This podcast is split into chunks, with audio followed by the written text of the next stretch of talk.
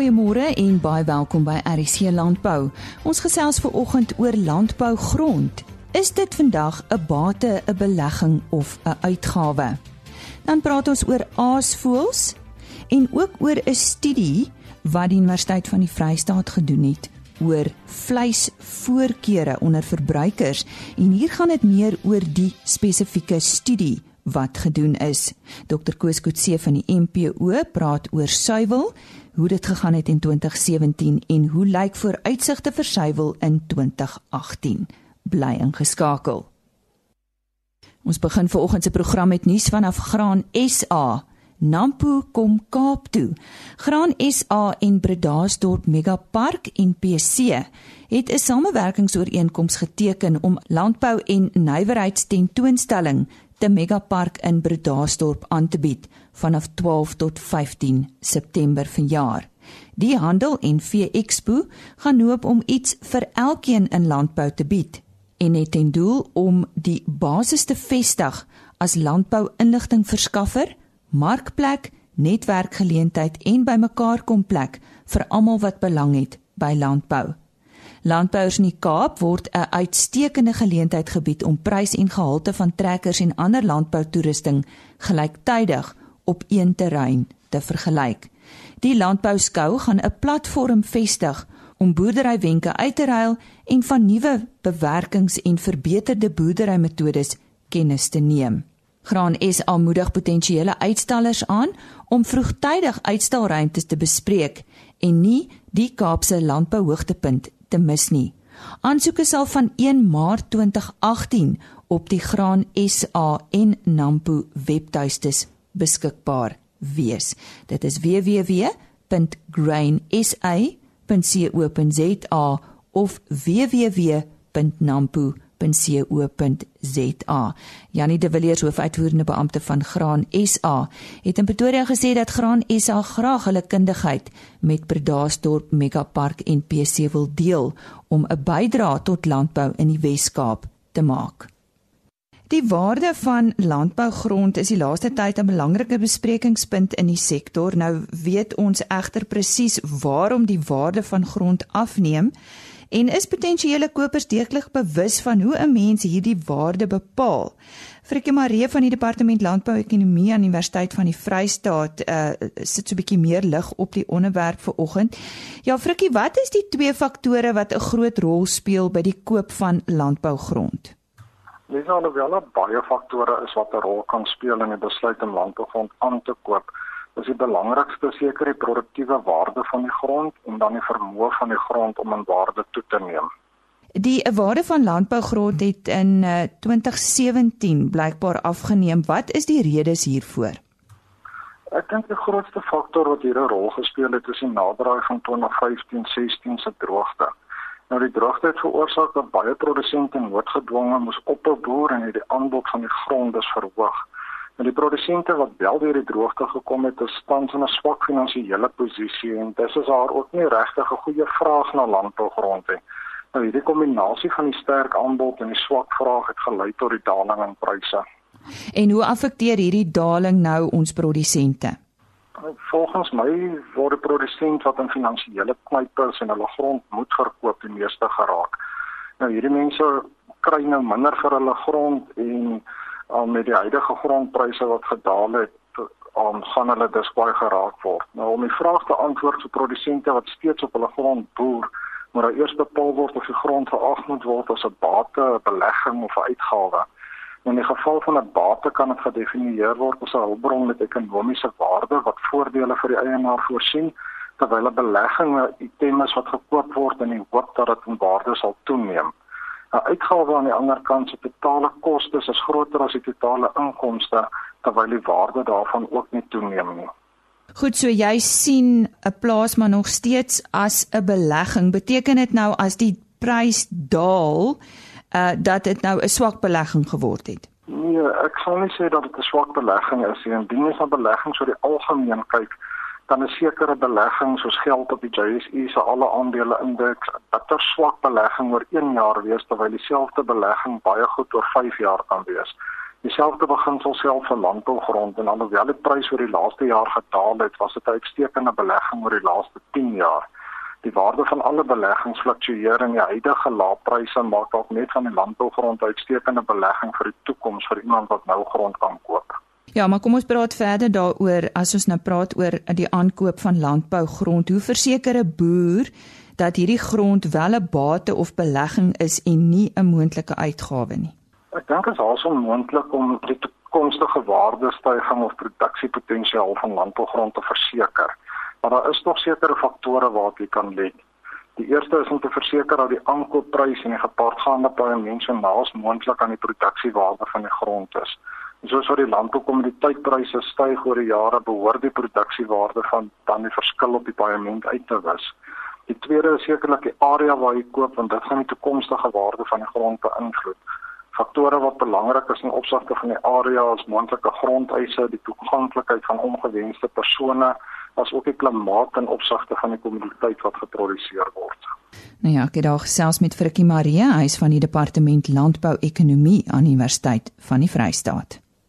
Nou eers nuus oor avokado's. Die regering van Kenia het die uitvoer van avokado's verbied weens 'n ernstige tekort aan die vrugte in die land. Dit het gelei tot die verhoging van die prys. Die gemiddelde prys van 'n 90 kg sak het in Desember tot 2560 Keniaanse shillings gestyg, die hoogste sedert Mei 2014. En nuus oor koffie. Volgens 'n verslag deur die Bank van Tansanië het die jaarlikse wêreldkommoditeitspryse van Robusta koffie gedurende die jaar geëindig November 2017 met 18,4% toegeneem in vergelyking met die vorige jaar se pryse. Dit is danksy 'n hoër wêreldwye aanvraag. En meer oor groente. Die aanleiding van swaar reënval wat in dele van Mauritius geval het, moet die land groente van Suid-Afrika, Egipte en Indië invoer. Sowat 75% van die plaaslike groenteproduksie is deur die reën geraak. Tonne wortels, kool, blomkool en boontjies sal ingevoer word. Volgende aan die woord, Henny Maas. Nou, asfalts is 'n belangrike deel van ons natuurlike omgewing maar uh, gaan deesdae gebuk onder die aanslag van menslike aktiwiteite soos dit dikwels gaan. Nou heelwat aasvoël spesies word vandag as bedreigde spesies gelys.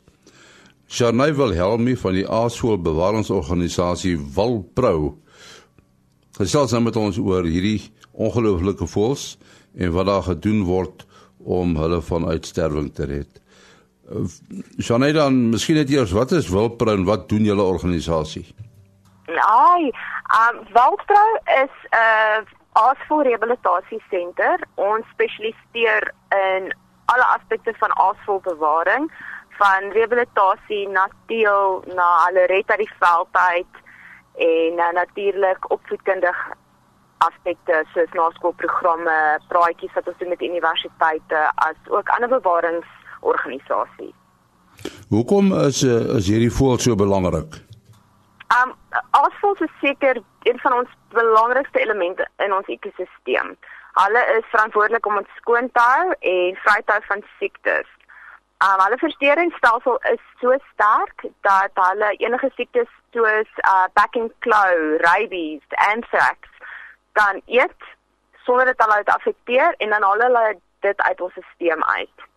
So die groot ding wat asvos doen is hulle keer dat dit versprei. Hulle keer dit versprei na ons vee toe, na ons wild toe en ook na ons mense toe. En sonder hulle glo ek ons ekosisteem sal platval. En en hulle grootste bedreigings? In Suid-Afrika heidaglik is hulle grootste bedreiging kraglyne.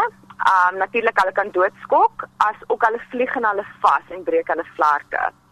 'n Ander groot probleem wat ons het in Suid-Afrika is stropery van die aasvoëls want hulle word gebruik in tradisionele medisyne en dan natuurlik vergiftiging ook. En uh julle het 'n teelprogram, waaroor gaan dit?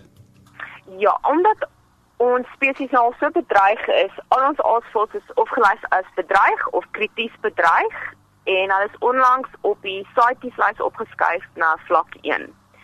So ons moet enigiets doen om hulle populasienommers op te kry. So wat ons hierso doen is die voëls wat ons nie weer kan vrylaat nie, wat dalk 'n gebreekte vlerk het of so, hulle gaan deel word van ons teelprogram en die kleintjies wat uit hierdie program uitkom, hulle word weer vrygelaat in die wild in. Nou hierdie voëls wat julle by julle fasiliteit het, hoe het hulle daar beland? Um ons sit heidaglik met 210 aasvoëls by ons fasiliteit en dit is aasvoëls wat of um as gevolg van 'n kraglyn vasvlieg hulle vlerk gebreek het of as gevolg van 'n vergiftiging, is dit nie veilig om hulle vry te laat nie. Hulle sal dit nie oorleef nie. So ons gee hulle 'n tweede kans. Um hulle gaan die res van hulle lewe uit bly hierso by ons en natuurlik deel wees van die teelprogram ook. Nou julle personeel ry baie rond om hierdie aasvoëls uh, te te gaan red. Uh, is dit nie is, is dit nie moeite werd net vir een voël byvoorbeeld? Dit is altyd vir ons die moeite werd. Um as jy sit met 'n spesies wat se nommer so vinnig daal, is stel elke liewe individueel.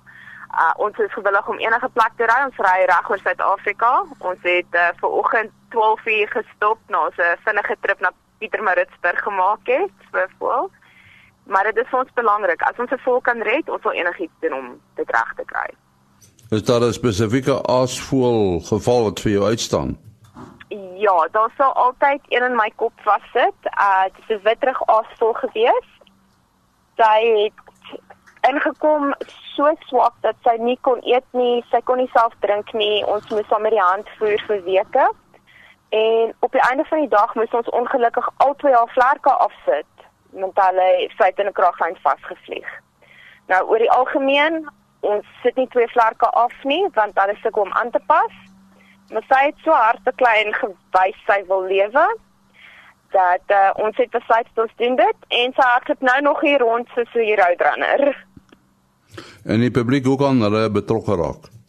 Ja, daar is baie maniere. Uh, as hulle direk betrokke wil raak, ons soek altyd vrywilligers om ons te help, um by die senter as ook om aasvoëls te gaan haal deur die land. Ons al ons aasvoëls wat ons vrylaat het op tags op hulle vlerke. So ons vra altyd die publiek as hulle 'n tag sien, kontak ons dat ons weet wat die nommer is op daai tag. En natuurlik jy kan ook 'n aasvoël aanneem wat uh, jy dan 'n naam kan gee en dan vir jaar sorg jy vir daai aasvoël. Ja, uh, mens vra maar dikwels hierdie vraag. Hoekom is jy so begaan oor oor hierdie soort voëls? Um bewaring is maar nog altyd my passie. Ek was gelukkig om in baie verskillende velde te werk, van bestuur na lees na renosters toe. En ek en Walter het net op die regte tyd by mekaar uitgekom. En uh, ek is nog altyd 'n persoon wat van 'n spesies hou wat nie altyd waardeer word nie. Nou ek sit ure met hierdie voëls, ek sien hulle karakter, hulle persoonlikheid en uh, mense kan goed gehoor vir hierdie voëls. En van toe af, ek het maar net 'n groot liefde vir hulle ontwikkel. Nou sê baie dankie aan Sharnay Wilhelmi, sy is van die Asvoel Bewaringsorganisasie Walprou. Dankie Annie. Nou eers landbou nuus. Die nasionale rooi vleisprodusente organisasie het tydens sy uitvoerende raadsvergadering wat verlede week in Bloemfontein gehou was, twee nuwe visievoorsitters aangewys. James Faber van die Noord-Kaap wat die tweede visievoorsitter was, is nou die eerste visievoorsitter in die plek van Dr Pieter Prinsloo wat nie beskikbaar was vir die herverkiesing nie. Willie Klek van Gauteng is as die tweede visievoorsitter van die organisasie verkies. Koos van der Ruyst van die Noord-Kaap bly aan as voorsitter van die nasionale RPO. Die posisie word tydens die organisasie se tweejaarlikse kongres gevul. Tydens die vergadering het die uitvoerende raad 'n mosie van dank aanvaar vir die reuse bydrae wat Dr Pieter Prinsloo in sy amptetermyn gelewer het, nie net aan die RPO nie, maar ook aan die rooi vleisbedryf in die geheel.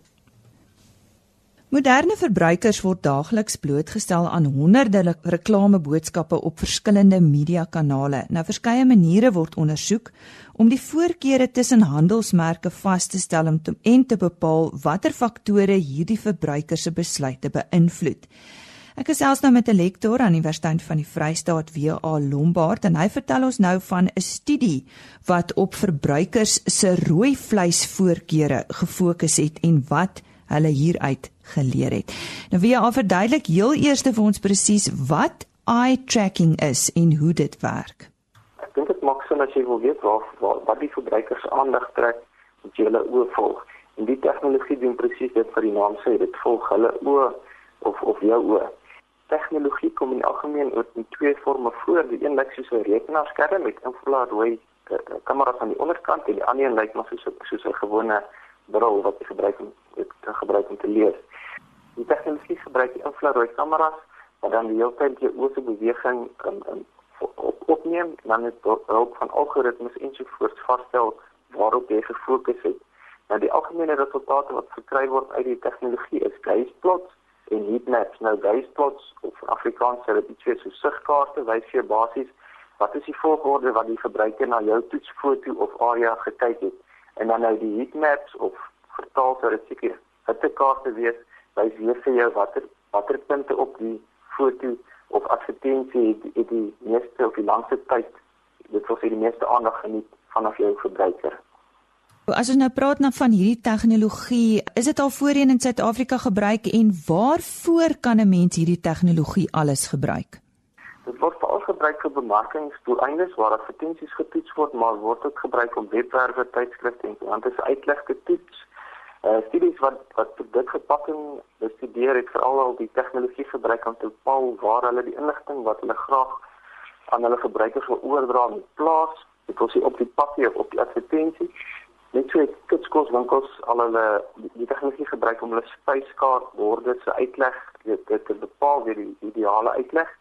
Ehm um, in Suid-Afrika is al 'n paar studies gedoen. Meeste van dit het dit gebruik om om die interaksie van verbruikers met rekenaar uh, programme te te bestudeer.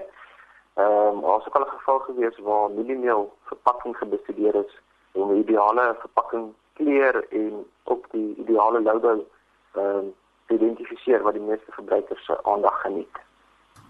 Nou jy het 'n bietjie al daaroor gesels, maar watter voordele hou hierdie tegnologie in via? Vir tradisionele verbruikersnavorsing word gewoonlik gebruik gemaak van vraelyste. Nou tydens vraelyste sal jy byvoorbeeld die, die verbruiker vra wat vir, vir wat kyk hy as hy 'n produk kies. Nou dit gee vir die deelnemer aan 'n tyd om te dink waar waar waar waarna hy kyk, maar dit gee ook van tyd om, om na te dink oor wat is die enkelte aspekte waarvoor hy moet kyk. Ehm um, dit so jy, jy kry nie altyd akkurate antwoord nie. Nou tydens die uittrekking toets waar die produk of jou prentjie net so 5 sekondes aan 'n deelnemer gewys word, kan die verbruiker nie dink waarvoor hy moet kyk nie. Hy kyk net dit en dan kry ons meer akkurate prentjie. Die tegnologie laat verder toe dat aspekte op die foto ehm geïdentifiseer word wat die wat die verbruiker se oog trek. Byvoorbeeld die vervaldatum of handelsmerk, ehm uh, as, as kan mens nou sien dit of dit ek alle verbruikers daarna gekyk of die grootste persentasie ensovoorts. Nou kom ons gesels oor julle spesifieke studie wat julle op rooi vleis uh, gedoen het. Vertel ons bietjie meer daarvan. Ons studie fokus op, op rooi vleis verbruikers se voorkeure in die Mangaung munisipale area. Dit wil sê die area om in in Bloemfontein. Ons het so 350 mense in die in die munisipaliteit getoets om 'n verteenwoordigende prentjie te kan kry van hulle rooi vleis voorkeure. In die studie wil ons graag bepaal wat belangrik is vir die verskillende rooi vleis en die vers verskillende LSM groepe. Nou om dit te doen het ons verskillende pakkies besenskapvleis opgemaak en afgeneem en, en op die pakkies het ons van die volgende aspekte verander: die kleur van die vleis, die vet in en om die vleis, die verpakking waar, waar die vleis in verskyn en dan ook die die etiketering en handelsmerke, kwaliteit indikators, basies al die verskillende etikette opgesit en afgehaal. Ehm um, en en dan na afloop van die die die toets het ons dan ook 'n vraelys voltooi by elke deelnemer om so op dan te kan vergelyk wat hulle voorsê hulle kyk en weet net later dan met die uitwerking die resultate om kan sien wat hulle eintlik na kyk. Deel 'n bietjie 'n paar van julle bevindinge met ons. Ek wil sommer sê vir ons loodsprojek het vroeg in 2017 afgehandel en sy resultate is al bekend.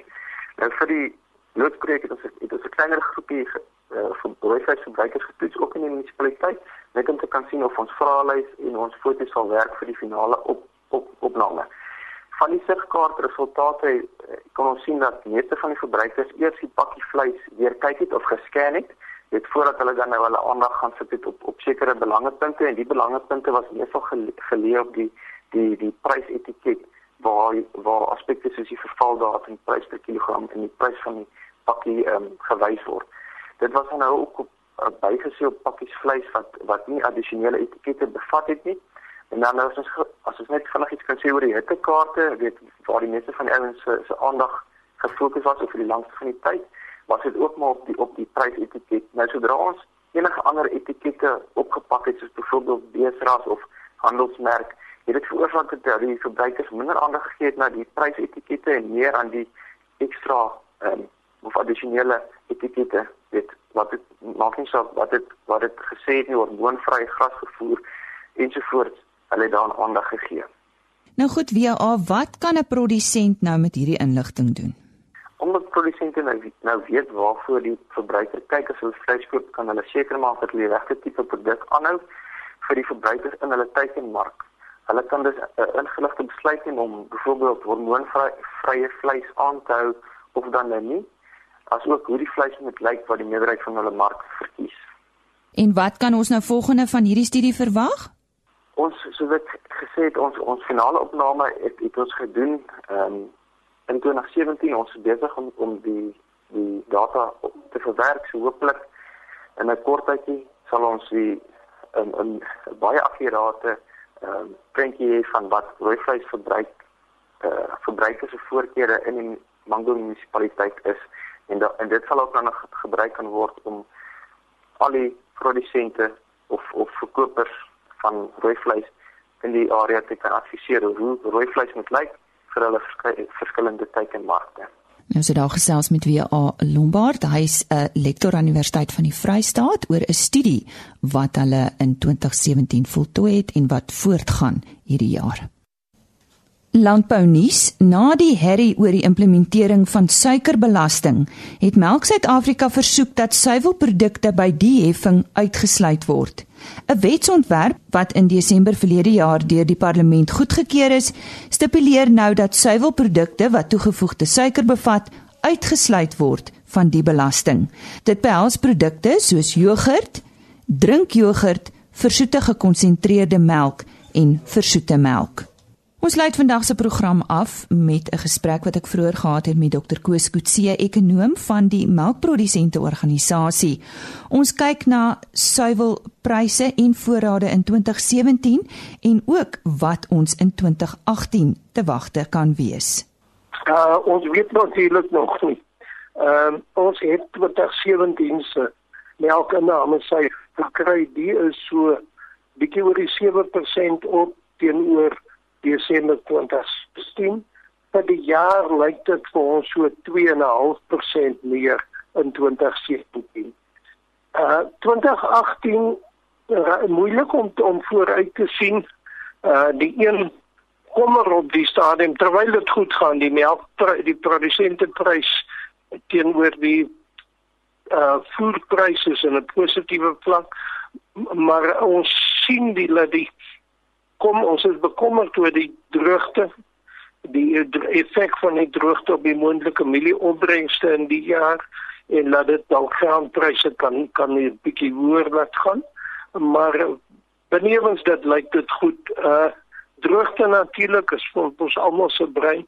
Ons sien nog nie dat dit 'n effek op melkproduksie het nie maar natuurlik is dit verder in krisis ingaan veral in die Weskaap kan daar groot probleme wees Ek weet jy's nou nie 'n klimatoloog of 'n omgewingskundige nie, maar watse effek het die droogte op melkproduksie? Weet jy as dit nie was as dit nie was dat die graanpryse laag is nie, laat ons rekord somer gaan oes verlede jaar gehad het nie, dan sou dit 'n baie groot effek gehad het, maar met die lae graanpryse kan die boere bekostig om dit wat hulle nie op weidings kry nie die bane weiding swakker is op aan die droogte om dit te kompenseer met graan. So die lae graanpryse is 'n is 'n bestuuring vir die melkbore in hierdie tyd. As dit nie daarvoor was nie, dan kon ons waarskynlik drastiese produksie verlagings gesien het. Tot dusver is daar geen teken dat melkproduksie daal nie. Dit lyk of die boere reg kry om onder droogte toestande ook nog goed te produseer. As ons bietjie na die res van die wêreld kyk, um, ek sien selfs Nieu-Seeland se boere is onder groot druk. Hoe lyk dit internasionaal? Ja, ons sien dat Nieu-Seeland noordelike eiland is, is droog.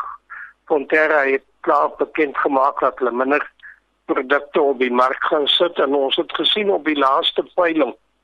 Nou uh, ek dink die 16de Januarie se veiling van Global Dairy Trade het pryse regtig reg oor al die pryse en al die periodes opgegaan, taamlik gestyg.